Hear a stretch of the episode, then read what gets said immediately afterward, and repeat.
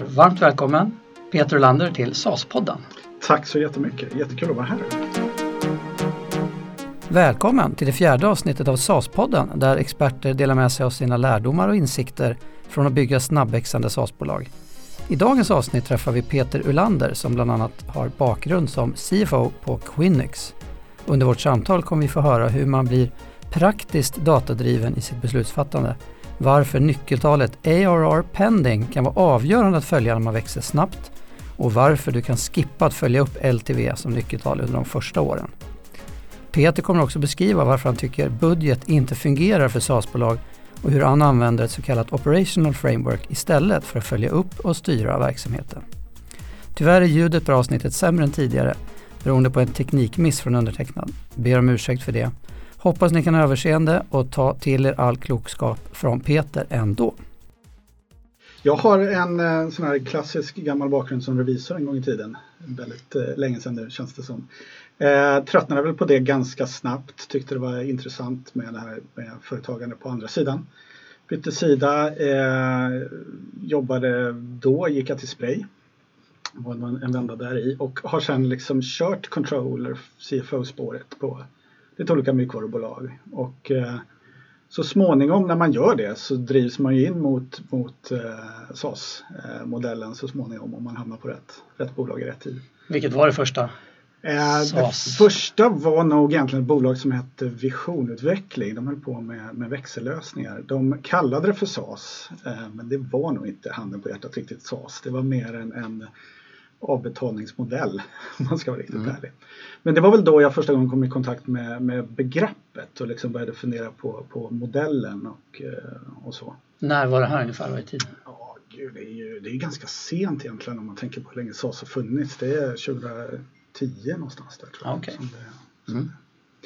Uh, sen var det väl egentligen när jag har ju min senaste längre roll var ju på Quinnex som mm. CFO där och där var väl första gången det blev på, på riktigt från början. Liksom. Quinnex var ju verkligen SAS från dag ett.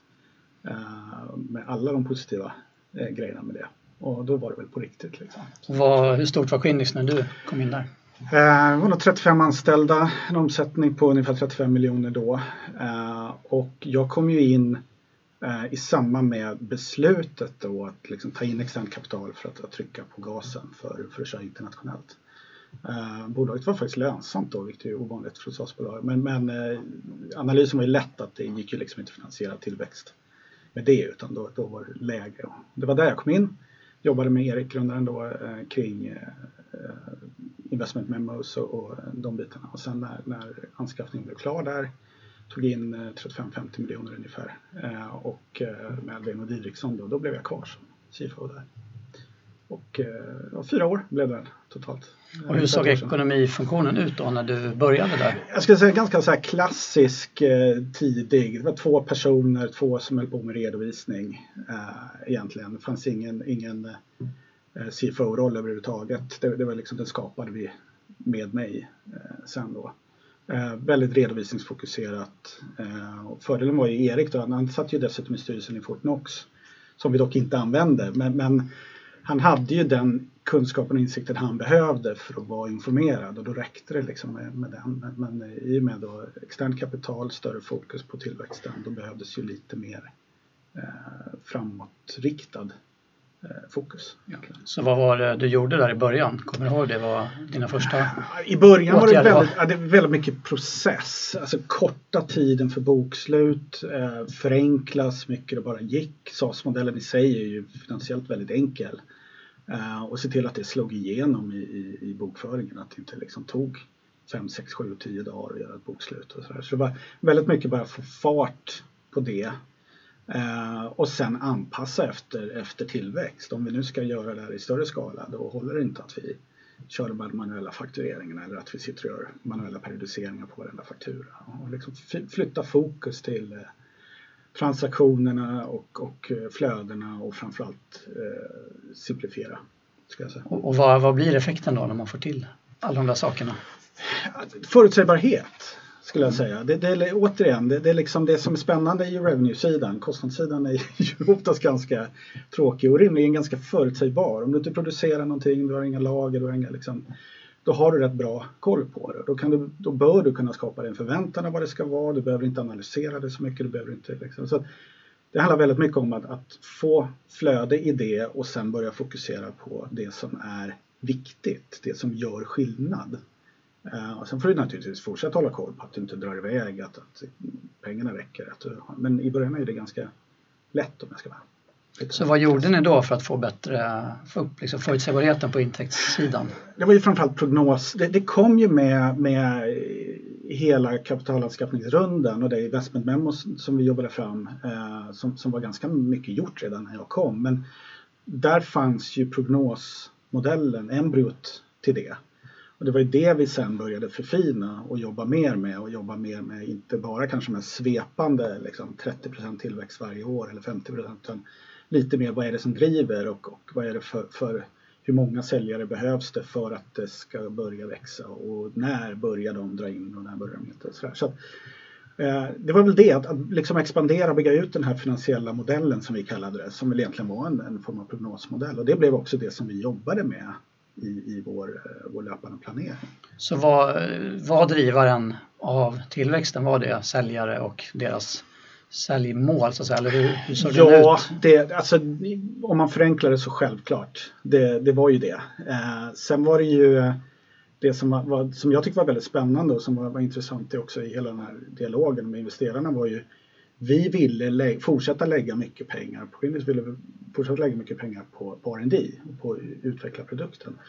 Och det var ju faktiskt mm, några gånger en diskussionspunkt med potentiella investerare som någonstans liksom förväntade sig en färdig produkt. Nu är det väl bara ut och skörda och vi kände någonstans att vi kommer aldrig vara färdiga. Eller är vi färdiga så är vi det i sex månader. Sen är vi inte färdiga längre och så måste vi eh, så det handlar lika mycket om det också, att sätta en, en, en roadmap för produkten och, och eh, eventuella liksom, skalutmaningar och plattformsskiften och sådana saker och, och ha utrymme för det och få in det i, i modellen och, och se till att finansieringen räcker även till det. Men, men eh, frågan att vara, självklart, det, det, var ju liksom eh, vad kan vi göra för att sälja mer? Hur säljer vi mer? Men, men till en rimlig kostnad. Kan du berätta mer om hur gick den, de diskussionerna? För jag kan tänka mig att som du säger, kostnadssidan är ju, eller det är svårt att få en förutsägbarhet i effekt mm. på R&D och säga att om vi gör det här, det är mer trögrörligt djur medan säljer mer med Precis. de här säljarna får jag och, och, och det, det, vi gjorde skulle jag säga är att, att vi, vi gick utifrån ett en gemensam bild av vad vi ville uppnå i form av tillväxt på intäktssidan. Vi vill tjäna så här mycket, vi vill sälja så här mycket, vi vill göra det i de länderna. Och sen ställde vi oss frågan tillbaks in i organisationen. Okay, om vi ska göra det, vad behövs då? Vad behöver produktsidan? Vad behöver konsultsidan? Det fanns ju en leveransorganisation. Vad behöver vi inom G&A? Vad behöver vi för, för eh, bemanning? Hur ser marknad se ut? Hur behöver våra marknadsaktiviteter se ut? Så det blev liksom en, en, en modell driven av äskande på liksom, det här behöver vi göra, det här vill jag uppnå för att vi ska kunna göra det. Och så var det ju extremt mycket ett gemensamt arbete i, i, eh, i ledningsgruppen som gjorde att vi, var, vi blev synkade i den övningen. Uh, Ingen som var osams med någon där eller hur? Nej, inte mer än att det gick att bli sams efteråt. I alla fall. Nej, men det, det var ju livliga diskussioner, självklart. Och det, det, det, var ju bra. Mm. Det är jättebra. Och, och, och sen är, är ju det är klart att man har sitt fokus och man brinner för det och man har sin tro. Mm. Men, men, eh, det fanns ju aldrig den prestigen upplevde jag att, att det inte gick att, att enas. Och sen var ju slutmålet var ju gemensamt. För någonstans måste det ändå stå mot varandra kortsiktigt i alla fall att mer pengar till sälj och marknadsföring kommer ju ge mer eh, abonnemang eh, sålda. Ja, men där är ju lite grann också vad du har för investerare med dig. Det, det är klart att jag, jag säger inte att vi hade en, en, en kran att vrida på, men, men eh, kan man visa och tro på att, att de här sambanden finns, om vi gör det här, ja då, då är det ju, då har du ju den här klassiska eh, bra grejen med SAS, att ja, men då är det bara kör. Därför att det är fortfarande logiskt och bra. Det var ju det någonstans vi behövde kunna visa för oss själva och, för, för investerare också. Att, jo men det är rätt att göra det här. Men vi kände ju väldigt starkt som det här med produkten också att vi kommer inte kunna sälja på de här nivåerna om vi inte får med oss ny funktionalitet, snabbare, st bättre stabilitet eller vad vi nu behöver i produkten. och då blev det ju logiskt att, att även allokera pengar, pengar dit. Det, det var ju liksom en Ge något exempel på vad, ni, vad produkten behövde för att göra den mer säljbar? Vi, vi kämpade ju rätt mycket och jag tror till viss del kanske fortfarande med, med ett plattformsskifte för, för att få en, en, en mer, eh, en mer skalbar och, och snabbare produkt egentligen. Eh, och det, eh, det, behövdes, det behövde få ta den tid det tog och det, det, det är alltid svårt. Det, är svårt att veta hur man ska... Och då hade vi tidigt en, en plan och en önskan att inte göra någon sån här Big Bang när vi liksom släcker den gamla, tänder den nya utan, utan vi gjorde, försökte göra det här parallellt, se till att, att du kunde välja som kund var du, var du gjorde den här övningen som du ville göra och eh, att den gradvis blev lättare och mer logisk att göra i det nya. Du drev liksom eh, beteendet över dit. Eh, och det krävde ju sin, sin finansiering men, men det, var ju, det var ju en del i hela, hela modellen. Vi visste att om vi inte gör det vi var överens om, så kan man ju tycka. Om vi inte gör det så kommer vi inte kunna sälja på de nivåer som vi vill. Och då spelar det ingen roll om vi slänger på 5, 6, 7, 10 säljare till. Det kommer, vi kommer inte mäkta med det. Men det låter ju som ett eh, relativt långsiktigt fokus då? Som... Absolut. Och, och, eh, jag menar, det här var ju någonting vi, vi körde en strategiövning kan man säga varje år och det var ju då vi liksom diskuterade det här tillsammans med, med, med, ägare och det var ju basen för det vi kallar budget eller planen framåt eh, varje år. Och, och eh, det där fick man, det får man ju revidera hela tiden. Men, men i och med att vi hela tiden hade det här holistiska tänket på hela bilden så var det ganska lätt att göra det förhållandevis. Det, det, en strategiövning kan ibland låta väldigt abstrakt och väldigt läskig nästan. Att, men det var så tydligt vad vi ville och, och, och då handlar det bara om att liksom koppla på några år till framåt och, och just ställa den här frågan. Om vi vill det här, vad måste vi klara nu? Vad måste vi göra nu? Jag menar, bara en sån här enkel fråga du kan ställa dig i, in i vilken organisation som helst. Vi har 100 kunder idag, vi skickar eh, 10 fakturor i månaden. Om vi ska nå den här tillväxten, vad betyder det i antal kunder, antal fakturor? Klarar vi det? Med det vi har? Det är bara den typen av frågor eh, hela tiden. Och nu har vi varit på den strategiska nivån. Om du skulle mm. berätta mm. lite om din CFO-roll mer så här dag till dag i en ledningsgrupp till exempel. Mm. Vad skulle du säga var de viktigaste ansvaren som du hade för att liksom vara en teamspelare där i jag ledningsgruppen? Säga, det, min roll blev väl lite grann eh, och, och tycker jag är rätt för, för en CFO generellt att, att vara lite grann spindeln i, i, i nätet i det där. Eh, handlade om att, att knyta ihop de här kraven, önskemålen, behoven och framförallt då i, i det sättet som vi jobbade koka ner det till eh, nyckeltal och relationer i, i den, eh, jag har inget bra svenskt ord för det, vi jobbar med en operation framework eh, som egentligen bygger på att, att, vi förstår våra, våra growth drivers, vad det är som ska leda till det här och, och eh, försöka hitta då effektiviteterna i det. Hur mäter vi effektiviteten i, i de här? Eh, och i det då, hur allokerar vi pengarna och ser vi, ser vi ut att vara på på rätt väg. Så jag skulle säga att det var nog ganska mycket min roll att liksom fånga in de här, de här informationen finansiellt till viss del naturligtvis men också till viss del annat och sen liksom serva resten av management med, med den informationen så att vi hade någonting att, att, att diskutera kring och, och uh, utvärdera kring. Mm. Kan du ge något exempel på det här med att vara datadriven i sin beslutsfattande? Ja, alltså jag, jag, det där tycker jag är en intressant eh, alltså begreppet datadriven. Jag, jag, tycker man kan se det lite grann på två olika sätt. Antingen kan det ju vara alltså väldigt datadriven så som jag tror de flesta tänker när man, när man säger att du, liksom, du testar, du tweakar, du gör, du testar, tweakar, du gör. Eh, och du låter liksom informationen verkligen tala om exakt vad du ska göra. Och det tror jag det, det passar väl kanske mer i liksom jättevolym situationer. Annars tycker jag man kommer rätt långt med ett analytiskt sinne och, och, och liksom bara så. Det, det, viktiga tycker jag är att man, eh, eller så som jag är van att jobba lite grann, att, att bygga lite grann hypoteser. Att, att, eh, om du nu vet vilka dina growth drivers är, du vet vad det är du vill uppnå, du förstår hur de fungerar, hur de driver kostnader, hur de driver intäkter.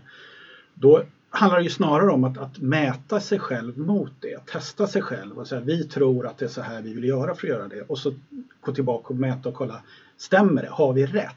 Tänker vi rätt? Eller pekar saker och ting på någonting annat? Och det kan bero på att vi har gissat fel, tänkt fel eller det kan bero på att någonting har hänt som, som gör att det där inte stämmer. För mig är det ett, mer praktiskt sätt att vara datadriven men jag tycker det är mer liksom, to the point, lite mer effektivt. Uh, jag tror många, framförallt unga bolag, har lite man övervärderar liksom den här önskan att vara datadriven. Om du tar stora mängder information och framförallt någon form av consistency i det du gör, då, kan du lika gärna hamna, hamna snett. Så vad, vilka tidsutsträckter uh, hade ni eller tycker du är liksom, hur länge ska man testa en hypotes? Går det att säga något generellt på det? Något, eh, något exempel på hur nej, ni jobbade med ja, Vi jobbade ju, med de flesta av våra nyckeltal så jobbade vi med rullande perioder. Och det, det nyckeln var väl snarare att hitta hur lång period ska vi mäta över för att det ska vara relevant. Det är liksom en månad för kort. Eh, tre månader blev någon så här pet liksom, eh, längd som vi, som vi väldigt ofta använder. Det var tillräckligt långt för att liksom, ta bort toppar och dalar men ändå tillräckligt kort för att, att hinna ge oss någonting, liksom, sitta och vänta ett år och se om det. Men framförallt börja jobba med rullande vad den har för horisont, då har du ju hela tiden någonting nytt och du har väldigt nära till trenden. Och det är trenden som jag tycker är den, den viktiga. Du har ett, ett mål, du vet att om vi blir lite bättre på alla de här grejerna då kommer allt bli bättre i slutändan. Vad menar vi med lite bättre? Jo men det är att det här nyckeltalet, den här siffran blir högre eller den blir lägre. Och så tittar vi, är vi konstant på väg dit? Och då kan du göra det hela tiden. Jag, jag något liksom... exempel på något sånt eh, ja, nyckeltal som ni bevakade ett tag och som ni sen fick att bli mycket bättre till exempel? Ja, alltså ett, ett riktigt eh, bra exempel på ett, ett, ett, tal som vi hade ett tag och sen droppade för att det liksom tappade relevans. Det, det var eh, på Quinix, jag har använt det på andra bolag också för att få fokus. Så det är egentligen det här glappet mellan en stängd affär och det att du börjar Eh, fakturera eller att du börjar eh, tjäna pengar på kunden. Eh, det är ganska vanligt, det är rätt vanligt att man hamnar i den situationen. Man stänger men man säger ah, att vi drar inte igång riktigt än. Du kanske har en produkt som kräver en implementationsprojekt och lite sådana saker. Och där, där uppstår ibland en situation, du har ofta en handover i samband med det i många bolag. Det lämnas från säljarna till någon form av CS-organisation eller implementationsorganisation.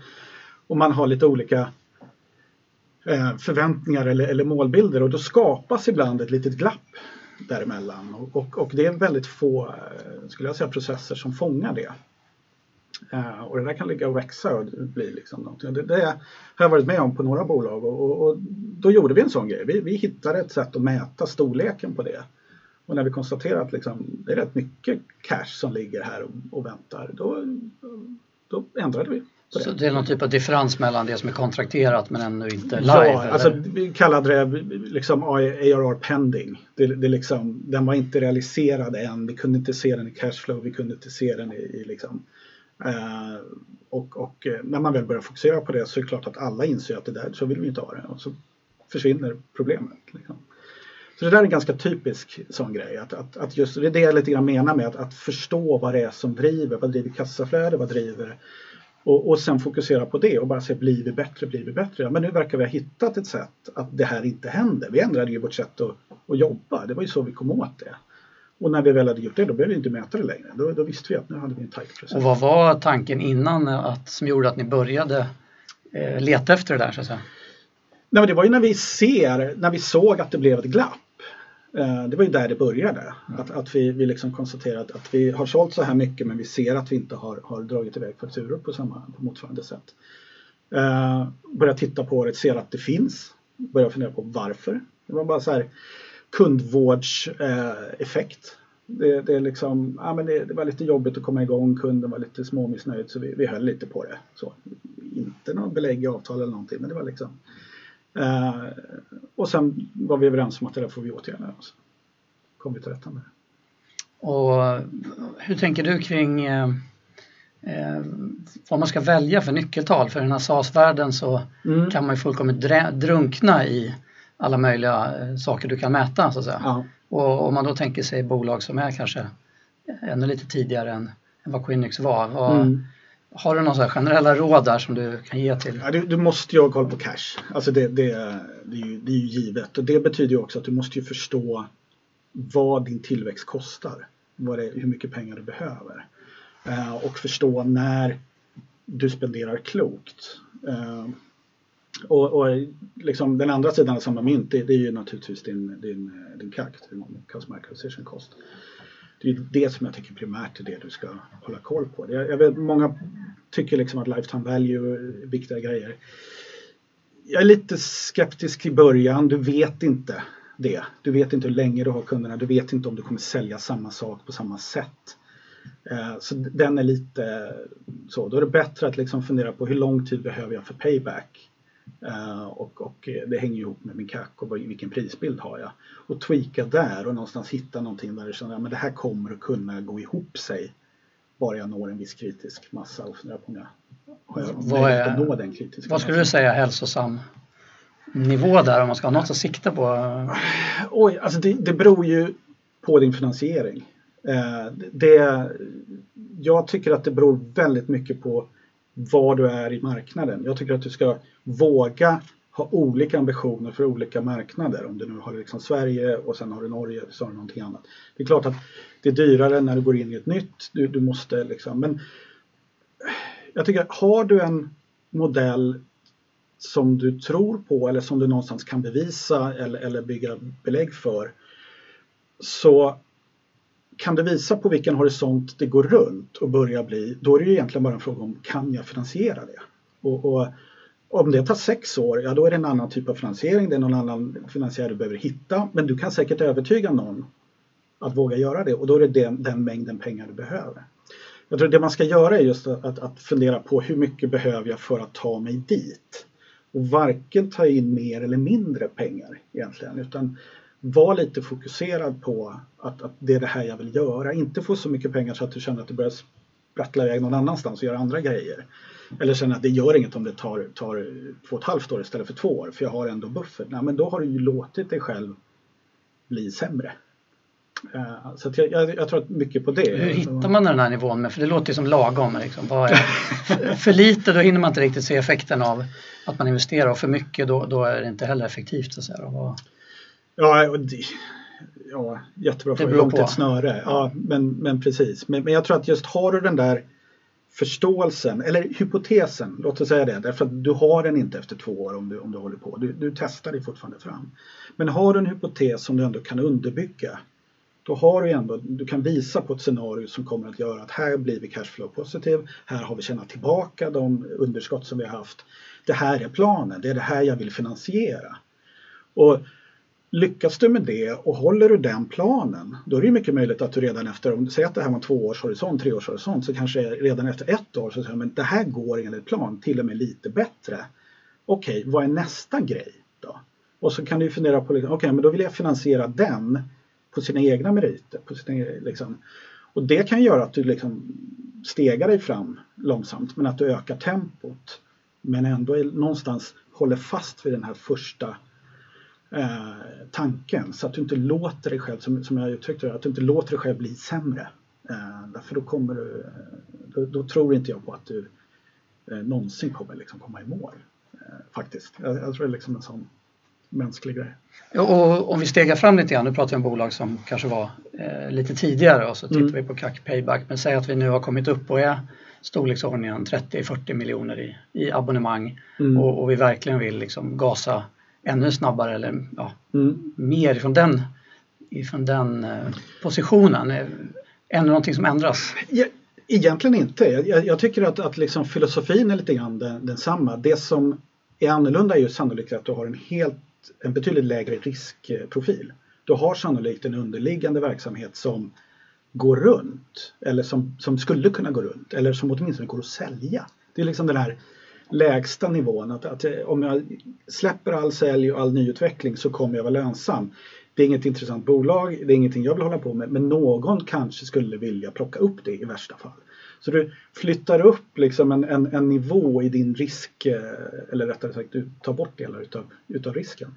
Och det gör att du kanske kan våga lite mer, du kanske kan höja dina ambitionsnivåer, du vet att du har en liksom en platta eh, att ta av. Och sen är ju det andra valet att göra om du vill att den befintliga underliggande verksamheten ska vara med och finansiera det nästa eller om du vill att den ska ligga som en, en trygg platta i botten eller om den ska liksom vara någon form av säkerhetsbuffert. Eller vad det, vad det är.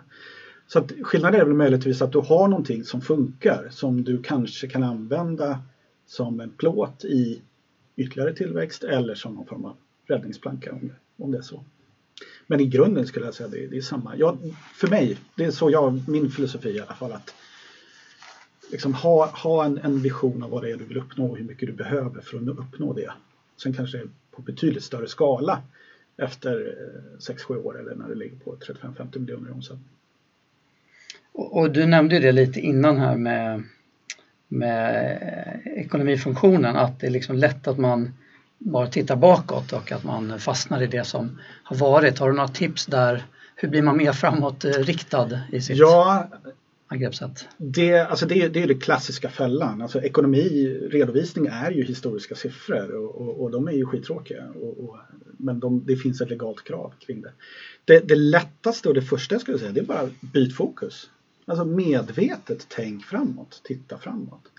Och, och där kommer vi tillbaka till det, det, du ställer frågan, det första vi kanske gjorde på Quinnex. det var ju just det här att förenkla det där som vi måste göra. Se till att bokslut går fort, att redovisningen inte har några komplicerade grejer. Dra ner kostnadsställen och dimensioner till ett minimum. Behöver du verkligen det? Jag menar, har du fem transaktioner på ett konto då kan du lika gärna titta på dem fysiskt än att ha, ha någon kostnadsställesindelning.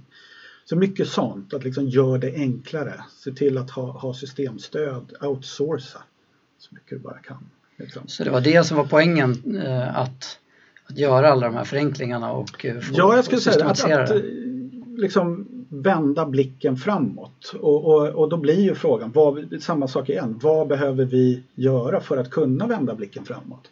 Ja, då måste vi ha bättre system eller vi måste ha enklare kontoplan eller vad, vad det nu är. Så mycket fokus på det. Och hur mycket går det där att automatisera? Jag tänker många av de här entreprenörerna som startar bolag är ju väldigt drivna av att automatisera mm. allt. Men hur långt kan man komma där? Kan man, kan man säga du kan komma jättelångt egentligen. Sen, sen är eh, men det är där jag, jag skulle säga att, att fokusera mer på att, att outsourca och hitta någon du kan lämna över till och sen får de fundera på hur, hur de vill hantera det. Om de vill strömlinjeforma det med, med hjälp av systemstöd eller, eller om de gör det manuellt. Och sen är det ju snarare vilken information du som, som, eh, som ägare av bolag vill få ut löpande. Tycker du det är viktigt att ha realtidsaccess eller tycker du att, att jag klarar mig med en rapport en gång i månaden eller ett samtal eller, eller vad du gör. Uh, så att, eh, det är liksom, jag, jag, ser det ganska mycket som en fri.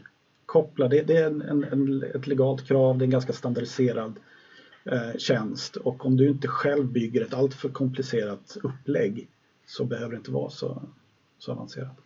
Och, och, nu kommer vi in på en av dina, som jag vet är dina käpphästar där med mm. att du inte gillar att jobba med budget. Just det, ja just det. Det har jag hört dig eh, nämna någon gång tidigare ja. här. Kan du inte utveckla det lite grann? Vad är det för fel med budget? Det har man väl alltid haft hela tiden? Jo, men alltså jag, framförallt i, i den typ av bolag vi pratar om och i SAS-miljön och tillväxtmiljön så, så anser jag att budget är, är hämmande på, på alla sätt och vis. Du, Eh, du skapar oftast någon form av, av liksom kostnadsram eller, eller varsågod, här är din penningsäck för det här året. Eh, och du har ingen koppling till om du spenderar det vid rätt tillfälle eller om vi faktiskt ska prioritera om.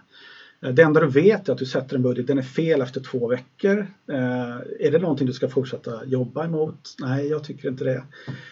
Så det hämmar, det begränsar och, och framförallt så, så finns det också en risk att du spenderar för mycket. Alltså du kan ju, om du nu har liksom din, jag ska rekrytera sju personer i år. Ja, om det går som vi har tänkt oss. Men om det inte går som vi har tänkt oss, då kanske det inte är läge att rekrytera sju personer. Och, och då sitter du antingen och diskuterar hur vi ska revidera budgeten eller hur vi ska förklara avvikelser från budgeten. Eller så gör du det som jag tycker att du gör, att du jobbar med, med en prognos istället. Du jobbar framåtriktat och du har arbetet är i princip detsamma. Det är, liksom, det är samma modell du använder, det är samma förhållanden du analyserar. Det är bara det att du blir så mycket mer agil därför att du kan parera. Så vad är det du gör annorlunda då? Om det är mycket som är likt? Eh, jag gör minibudget varje, varje månad egentligen. Alltså bara uppdatera, vad har hänt? Och så kör vi 12 månader eller ännu längre från det läget givet de ambitioner vi har. Eh, så att man kommer bort ifrån det här. Det är en sån här diskussionspunkt som jag har haft många gånger. Att, att man säger men vi har ju sparat två miljoner för att vi inte anställt två personer. Och, och, för mig, nej vi har inte sparat det alls. Vi har inte investerat dem än. Men vi ska fortfarande göra det någon gång, hoppas vi.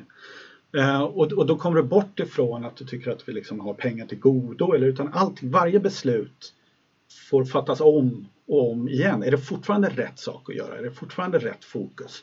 Är det fortfarande rätt timing?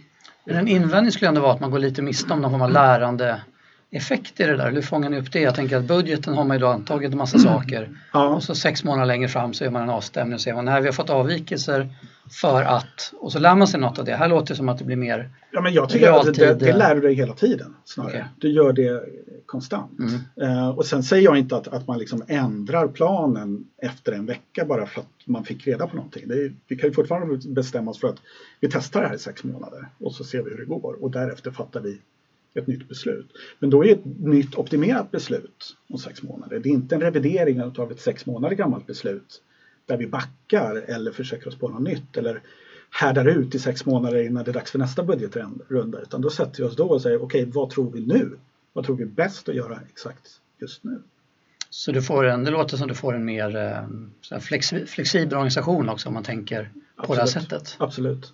Och du, du kan parera för saker som kommer att hända som du inte vet vad det är som kommer att hända men som du vet kommer att, att hända. Och jag, jag har liksom en sån här favoritstory som, som jag brukar prata om just för att visa på nyttan i, i det här och det, det går ju tillbaks till Quinix igen. Det är när eh, i den här absolut starka tillväxtfasen som vi var när, när ändå säljchefen i ledningsgruppen tycker att, att jag vill vänta med min rekrytering som jag har planerat för jag tycker vi behöver mer folk på marknad. Då har, vi, liksom, då har vi fattat vad det handlar om, förstått att det är ingen idé att jag spenderar det här som vi har sagt att jag ska göra utan vi behöver fylla på någon annanstans först för att det ska bli. Och där tycker jag då någonstans när det där dök upp, då, det, det var då jag första gången kände att liksom, nu har vi nog hittat liksom, eh, beviset för att, att det där. Sen eh, gör man ju, man kallar det alltid för budget och alltid en styrelse som, som blir skitnervös om de aldrig får en budget och sådär. Så att, eh, det är klart att det är lite lek med ord. Men, men det handlar framförallt om att, att vara beredd, kunna parera och, och inte fastna i, i liksom gamla beslut. Som man, som man, och det gör också att du behöver inte ägna så himla mycket tid åt, åt budgetuppföljning. Du behöver inte rapportera tillbaka och säga att vi har gjort det här jämfört med budget utan du kan istället fokusera på dina effektivitetsmått. Du kan fokusera på vad är vår CAC-KCV? Och den kan du mäta hela tiden. Och, och, det är klart att när vi satte vår budget slash prognos en gång i tiden då hade vi en, en bild av hur vi ville att vår CAC-KCV skulle se ut. Det är ju en del av, av det som har byggt upp prognosen. Och då är det ju det vi tittar på. Vi tittar på den ration snarare än det faktiska utfallet. För vi vet att om vi håller oss till den ration så blir det bra. Och du touchade innan här det här med operational framework. Är det mm. någonting som också är ett verktyg att använda i den där uppföljningen? Eller hur, hur jobbade du med ja, det? Beskriva det för någonting. Eh, ja, lite enkelt beskrivet ska man säga. Det, det är ju kundresan eh, någonstans. Alltså det som hur får du in dina kunder? Hur stänger du affärerna med dem? Hur växer de med kunderna? Hur får du dem att stanna kvar? Eh, det vill säga hur skapar du värde i, i, i, din verksamhet? Och om du har koll på det och jobbar utifrån det, det är processtänk egentligen, då har du ju också koll på de här nyckelsituationerna när det är viktigt att hålla koll på att rätt saker händer eller att rätt effektivitet uppnås. Och det jag gillar med att, kasta upp det lite grann sådär är att, att du tvingar allihop ut ur det här klassiska avdelningstänket. Därför att det går in i varandra. Man, liksom, kopiorna ligger väldigt ofta i skärningspunkten mellan olika och, och det gör att du fokuserar på effektiviteten i din organisation snarare än vad din silo gör eller vad din avdelning. För att du enklare ska förstå vad Peter menar med Operational Framework så har han tagit fram ett exempel på ett sådant framework. Där kan du bland annat se stegen i kundresan och några olika förslag på nyckeltal att följa upp i varje steg så att du också kan sätta upp ett liknande nyckeltal för varje steg i ditt företags kundresa. Dokumentet där du hittar detta framework finns på www cloudcapital.se SAS-podden där du i anslutning till det här avsnittet med Peter kan ladda ner ett exempel framework.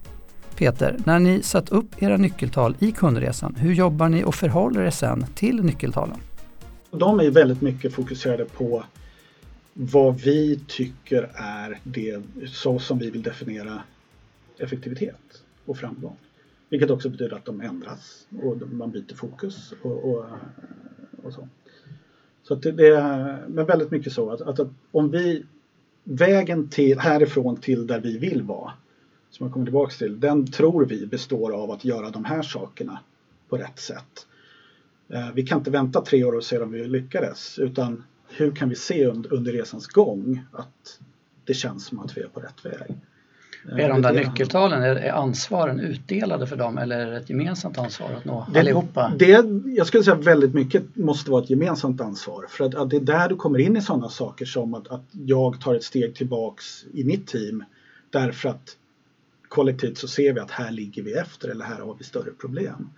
Så att det där är någonting som måste jobbas fram tillsammans som, som det är viktigt att alla känner en tilltro till den sam, någon form av samsyn i att, att det är så här vi tror att vi driver värde i vårt bolag. För då kan du också ha en, en, en lyckosam diskussion kring omprioriteringar och, och åtgärder och vad som är viktigt att prioritera just nu eller fokusera på. Vi har ändå touchat lite grann men liksom organisation i ekonomifunktionen. Om mm. eh, bolag som är i snabb tillväxt, eh, det finns så mycket olika titlar här. Du mm. var CFO, man kan ha en ekonomichef, en, en business controller, man har några som jobbar med redovisning. Mm. Finns det några så här råd du kan skicka med till entreprenörer som är i den här, kanske börjar växa på sig och känner att det här med... Ja, alltså som jag sagt tidigare, jag, jag är en stor fan av, av, outsourcing om, om det går. Och det kan man göra ganska länge och ganska mycket. Men, men eh, börjar man få bolag i olika länder och lite sådär, då, då någonstans så kommer du behöva en redovisnings Eh, ansvarig på något sätt. Eh, och det kan man göra tidigt eller det kan man göra eh, lite senare. Men det, det, blir ju också den här personen som har, har det här liksom strukturella compliance-delen utav det. och det brukar vara rätt mycket jobb i slutändan med det. och därför tycker jag ofta att man ganska tidigt bör komplettera med någon form av controller-roll. Uh, I en SaaS-business så skulle jag direkt säga gå på en revenue controller, det vill säga någon som äger intäktssidan. Och sätt den personen i knät på sälj och marknad, för det är där han eller hon hör hemma. I, skulle jag säga. Så utveckla det lite, vad gör den personen? Ja men det, det, handlar om att egentligen se till att du, du säljer effektivt, du säljer på ett effektivt sätt. Lite toucha in på din, din kack. Eh, vad är det för målsättningar vi ska sätta på, på vårt säljteam för att det ska gå ihop sig? Eh, hur mycket kan vi rabattera? Hur borde prismodellen se ut? Alltså alla de här delarna som gör att, att du faktiskt inte växer på bekostnad av din, din lönsamhet eller din effektivitet. Eh, och också se till att, att, att hitta sättet då att, att sen fånga den här affären och se till att du faktiskt får ut slipper ditt, ditt pending gap där eller att du får ut faktureringen och att du får ut och framförallt att få koll på din ARR, din MRR, vad du väljer att fokusera på, hur den rör sig, eh, Eh, hjälper till att hålla koll på renewal-tider. Eh, vad har vi för ambitioner för upsell på, på kunderna?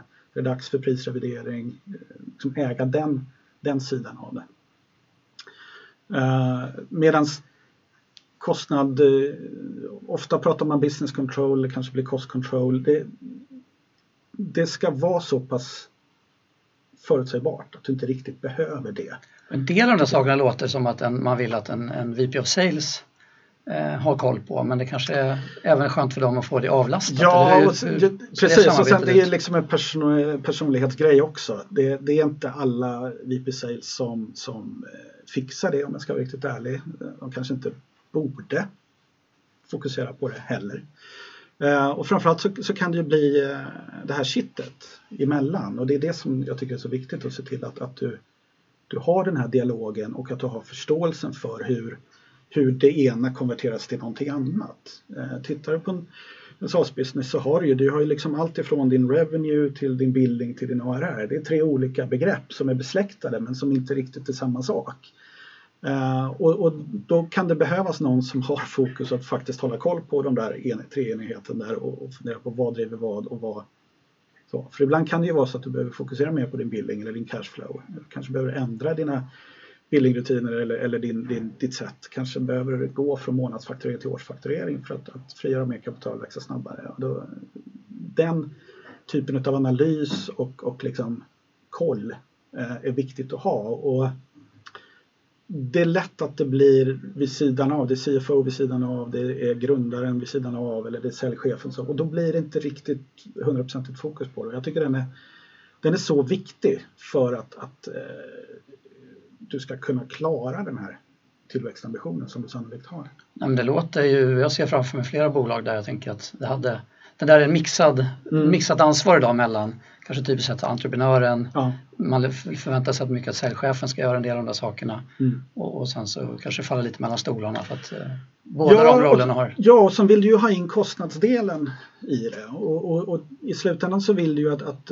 kostnadsdelen är så kirurgiskt korrekt som du bara kan och då börjar du liksom komma tillbaka in på vilka kostnader ska vi ha med? Ska vi, då kommer vi kanske tillbaka till det här som jag tidigare sa, skit i kostnadsställen och sådana saker. Men någonstans så kanske det där behöver komma tillbaka. Eh, och då är det ju också bra att ha någon som, som på andra sidan också kan jobba med kostnadssidan. Inte aktivt men plocka den informationen, bearbeta den informationen och, och skapa de här relationsnyckeltalen. Om du vill bryta ner din KAK-ACV, vilket jag tycker du ska göra på, på, på alla möjliga ledder och bredder om du nu gör det geografiskt eller om du gör det beroende på storlek på kund eller om du gör det utifrån något annat. Och, och det behöver få ta tid eh, att göra det. Och, så ungefär vad är vi på för storlek i bolag tror du när man kan ha lyxen med en sån här roll? ja, Nej, men jag skulle säga alltså att i, i, eh, det låter lite konstigt att jag som CFO kanske skulle säga att, att eh, prioritera det före en CFO. Eh, mm. om, om du om du har koll på modellen, eh, om du eh, förstår vad det är som, som driver, eh, då klarar du det rätt länge utan en, en eh, CFO om du har kompletterat med den. Det är fokuset. Och vem vet, det kanske är din blivande CFO. Det kanske är liksom börja med någon eh, lite junior, mer junior som kan, kan växa upp i, i den rollen beror jättemycket på naturligtvis hur, hur liksom vd slash grundare, vilket intresse och fallenhet han eller hon har. Eh, det finns ju jättevariationer där eh, i det. Men, men, någonstans är det ju där du som CFO snabbt landar också. Och, och det kan ibland vara eh, på gott och ont. Det finns eh, liksom, faktiskt större frågor som en CFO ibland kan behöva vara med och brottas om också. Själva bara tillväxtmaskinen i sig, eh, bolagsväxandet. Så det skulle jag säga är, är liksom en, en, relativt tidig eh, rekommendation från min sida att, att plocka in någon som, som äger den frågan och, och, som gärna sitter väldigt, väldigt nära sälj. Vi avbröt ju din eh, bakgrundsbeskrivning ja. och kom direkt in på alla intressanta delar här med CFO-rollen. Men du är inte kvar på Quinix nu utan Nej. sen har du gått vidare till andra Precis, äventyr. och, och eh, är väl CFO for hire idag. Interimsroller och, och eh, försöker stötta bolag i ungefär den, eh, den situation som Quinix var när jag, jag kom in eller kanske ännu lite tidigare ibland. Att, att kanske göra det där, förskjuta sig för rekryteringen lite grann. Eh, hjälpa till att bygga strukturen, bygga modell, prognosmodellen, se till att, att hjälpa till och isolera och synliggöra vad det nu är för growth drivers, bygga lite fokus. Eh, jag, jag, tror väldigt mycket på det, att, att våga våga släppa vissa saker som säkert också är bra. Men du måste vara världsbäst på det du gör istället för att vara hyfsat bra på många grejer. Eh, och det tror jag det är rätt svårt och, det är rätt tacksamt att komma i min roll att komma lite grann utifrån och, och vara lite jobbig där och säga att, att är det, vore inte bättre att fokusera på det här nu? Och, och det är lite grann den där stageade varianten som jag pratade om också. Att vi gör det här riktigt bra sen, sen när vi är trygga med det då kanske vi kan ge oss på nästa variant. Så vad brukar vara de första sakerna du kan du generalisera någonting när du kommer in i de här det blir, bolagen? Det blir ofta eh, faktiskt väldigt mycket kring just det här Operation Framework. Att, att fundera på vad är det som är det som driver värde och, och som, som driver tillväxten framåt. Eh, de, många av de bolag jag träffar och de jag pratar med och, och, några som jag jobbar med, man har fastnat lite i det här avdelningstänket. Man, man kan vara väldigt bra kopidrivna i det sättet. Men den här hur det levererar värde till någon, till någon, eller vad är det man lämnar ifrån sig? Det är en klassisk sån här eh, process spelteori liksom där, där, du ska lämna över till någon som inte alls vill ha det som du tror att de vill ha. Så det handlar ganska mycket om det, att bryta det här avdelningstänket, liksom lägga den där, det som jag då kallar Operational Framework. Eh, och, och, med det kommer ofta fokus också. Att, att, eh, vi gör det lite, vi behöver inte mäta ner på varenda liten marknad eller varenda eh, lead source eller vad det är nu utan låt oss börja bara, är vi, är vi effektiva överhuvudtaget? Och sen kan vi ju se, var är vi mest effektiva och är det det vi ska satsa på? Och har du några sådana här eh, Jag tänker det, idag är det många som, det är lätt att sätta upp den här SAS eh, liksom beskrivningen på, mm. på sitt pitchdeck. Men mm. när du träffar ny bolag som, som du inte jobbat med sedan innan, vad är det typiskt för saker som du tycker kan saknas i deras, eh, deras styrning av bolaget eller hur de, hur de jobbar? Alltså, jag skulle nog eh, svårt sådär rakt av men, men en grej som jag, som jag kanske stöter på lite då och då tycker jag ändå är Eh, den här kopplingen marknadssälj eh, och, och just vad är, var är vi ute och jagar om vi nu uttrycker det så. Det blir lite grann den där fokus, fokusgrejen. Att du hamnar lite eh, var och en för sig, du har ett, ett bra marknadsteam eller, eller liksom du driver aktiviteter där men är de riktigt synka med det, med det som vi tror att vi kan sälja och där vi tror att vi kan sälja. Eh, det, det, är lätt, det är digitalt idag, det är lätt att, att liksom leta på många ställen men frågan är om de är riktigt rätt ställen att leta på. Om, om den, de eh, opportunities som dyker upp den vägen, är det rätt typ, är det rätt eh, är de, är de i rätt nivå, är de på rätt läge? Uh, och det där, där tycker jag är väldigt intressant. Där kommer just den här fokus, fokusgrejen tycker jag. För det är, det är lätt att tänka någonstans att alla potentiella kunder är, är bra kunder och det, det är bara att köra. Men, men någonstans måste man ju liksom se den där effektiviteten i det man gör och, och, ändå välja det som ger mest bang for the buck. Även om det betyder att man tackar nej till revenue för att det är sämre revenue om man kan uttrycka det på det här sättet. Och våga tycka så. Det, där tycker jag det finns en tröskel. Varför skulle det vara sämre revenue då? Helt enkelt därför att det kostar för mycket. Eh, och den kostar i form av, av alternativkostnad. Och där skulle jag säga är kanske den aha-upplevelse som, som, eh, som man ibland kan, kan skapa. Det är lätt att tänka att jag har mina, min säljkod, det är personalkostnaden som kostar och sen har jag lite liksom, min, mina marknadsaktiviteter som spänd. Men det är ju vad du inte kan göra eh, därför att du väljer att göra någonting. Det är det som är det som är så viktigt att hålla, hålla koll på. Och då är det bättre att göra det som ger mest effekt snarare än det som sprida ut det på saker som ger lite mindre effekt. Hur hittar man det då? Vad, vad, vilka frågor ska man ställa sig för? Ja, men jag, jag skulle säga att det, är, det går att förenkla det där lite, lite grann. Det är hur fort det går att stänga en affär och hur stor affären är. Det, det behöver inte vara svårare än så egentligen. Kan du, kan du liksom maximera dem, jobba mot att få högre, högre värde på varje affär och det, att det går fortare från det att du hittar, hittar leadet till att du stänger affären. Ja, då är du, då är du på rätt väg. Eh, och, och, bara testa det och, och försök förbättra det. Och där kommer vi tillbaka till det här med datadriven. Det, det, det för mig är att vara tillräckligt datadriven. Du vet att jag vill ha högre affärer, jag vill att det ska gå fortare att stänga. Då jobbar jag och ser vad jag kan göra för att det ska ske. Lyckas jag med det, då blir det ju bättre. Det, det är ju inget snack om den saken. Sen behöver jag ju inte liksom gå ner på varje och, och konstatera att, att liksom en, en, Google Ad på torsdagar när det är sol, det är bättre. Liksom, det, skit i det. Liksom, du behöver mycket volym för att, att, att det ska göra någon skillnad. Eh, och, och, till saken har jag att jag är ju naturligtvis en eh, business to business orienterad. Business consumer är ju lite annorlunda naturligtvis. I det. Nej, men det är jätteintressant. Jag tänker att Eh, men jag känner igen det där i, en del bolag, att man, eh, man springer lite på allt mm. och eh, tar sig aldrig riktigt tiden att sätta sig och fundera på vad är det som gör skillnad? Nej, och, och, jag tror det är en naturlig sak att göra för det är också ett sätt att testa. Man, man liksom vill testa och se vilket, vilket som funkar. Men, men, jag tror att risken i det om man inte är väldigt eh, liksom medveten i hur man gör det är just att, att man blir lite för tunn överallt istället för att välja en grej och säga det här är det vi tror på eller det är det här jag vill bli riktigt, riktigt bra på. Och, och, och satsa på det och sen får man ju, någonstans så möter man ju liksom en, en, en, ett tak i det eller att kurvan planar ut. Och då är ju frågan, ska vi byta eller ska vi komplettera? Eh, men, men att se till att man blir riktigt bra på det man vill bli bra på. Det, det skulle jag säga är en, en, en nyckel. I det hela.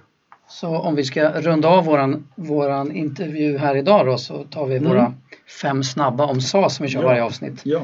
Så då kör vi. När hörde du först talas om SAS? Men det var någonstans 2010-2011 där tror jag och som jag tror jag kanske nämnde tidigare idag. Det var, första gången jag hörde då var det inte SAS. Det var, det var en avbetalningsplan. Det var en kund som ville betala över en längre period. Eh, det fanns ingenting bakom det i form av, av eh, eh, hur systemet gjordes tillgängligt eller, eller lite sådana grejer. Men, men på riktigt var det ju tillsammans med, med Quinix naturligtvis när jag började där för en 5-6 år sedan. Mm.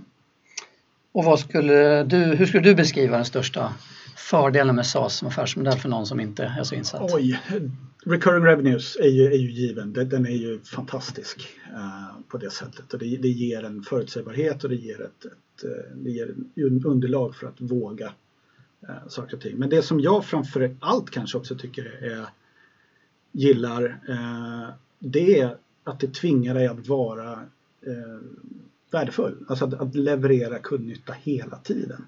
Du har en helt annan relation till dina kunder. Du måste ha det. Du måste förtjäna att få fortsätta vara kund hela tiden. Och det är oavsett om du skriver treårsavtal eller om, om du skriver, liksom har en månads uppsägningstid eller vad du har. Uh, och det tycker jag är som, som liksom ekonom gillar jag det därför att det, det borgar för att du sannolikt är effektiv och det är samhällseffektivt om man får uttrycka det så. Där kommer kanske in det här också att, att jag inte tycker att man ska ta in mer kapital än man behöver därför att man sannolikt liksom wastear dem. Och det är bättre att de används till någonting som är, är bra. Med hög effektivitet? Ja, mm. precis. Och är det någonting som du idag känner till om SAS som du önskar att du kanske förstod tidigare? Uh, ja, Möjligen eh, kanske det här att, att eh, det är inte alla säljare som, som fattar att det är ett lite annorlunda sätt att sälja eller att det bör vara ett annorlunda sätt att sälja. Eh, där, där har jag nog ett bättre batteri att diskutera kring idag än vad jag hade, än vad jag hade tidigare. Eh, så där, det, den insikten kanske skulle vara ett... Vad behöver man göra där? För att få säljarna på rätt Standardsvar på allting det är ju att förstå affären, förstå vad som driver eh, och att, att det är inte bara en ny kund till vilket pris som helst som gäller. Eh, komma bort ifrån kanske eh, någon form av kvartalshets och annat. Jag säger inte att man inte ska ha kvartalsmål eller säljmål, tvärtom. Det, det, alla drivs av att ha någonting att jobba mot. Men man kanske ska fundera på om det är rabatteringen som ska göra att man stänger affären eller om det faktiskt är någonting annat. Eh, det är sällan du vinner någonting på att få in en affär en månad tidigare i ett SAS-bolag om du samtidigt sänker priset med 10, 10 Och vilka är de bästa SAS-produkterna som du använder till vardags? Jag älskar ju Slack, vilket känns töntigt om man får uttrycka det så. Men jag, jag, tycker det är en häftig, häftig produkt. Eh, den, den, eh, eh den gör mig lite roligare. om man kan säga så. Sen privat eller i, i mitt egen, min egen verksamhet så använder jag Trello eh, ganska mycket eh, som en, en, en rätt bra grej för att hålla koll på mina olika åtaganden och uppdrag. Och vem skulle du önska få lyssna på här i SAS-podden förslag? Jag har två förslag faktiskt. Eh, det ena är en, en eh, CFO-kollega, eller jag på att säga, eh, Anders Folin på Medius. Av det skälet att han har gjort, varit med och gjort den här transformationen från on-prem till SAS. Det är inte så många som har gjort den och han har, de har lyckats med den. Och det tycker jag är lite, lite intressant eh, att höra hur, hur smärtsamt det var och, och eh, hur lång tid det tog egentligen. Eh, och sen den andra som jag tycker alltid är intressant som jag gillar det är ju Johanna Fagerstedt på CMO på Quindex som hennes eh, syn på marknad och sälj och marketing som hon, hon liksom kallar det och, och sättet eh, hon knyter ihop det är magiskt. Det, det tycker jag många skulle lyssna på.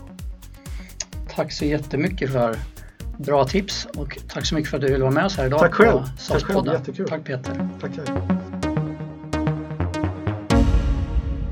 Tack för att du har lyssnat på det fjärde avsnittet av SAS-podden. På www.cloudcapital.se SAS-podden hittar du alla avsnitt av podden. Jag heter Johan Krona och om två veckor är podden tillbaka.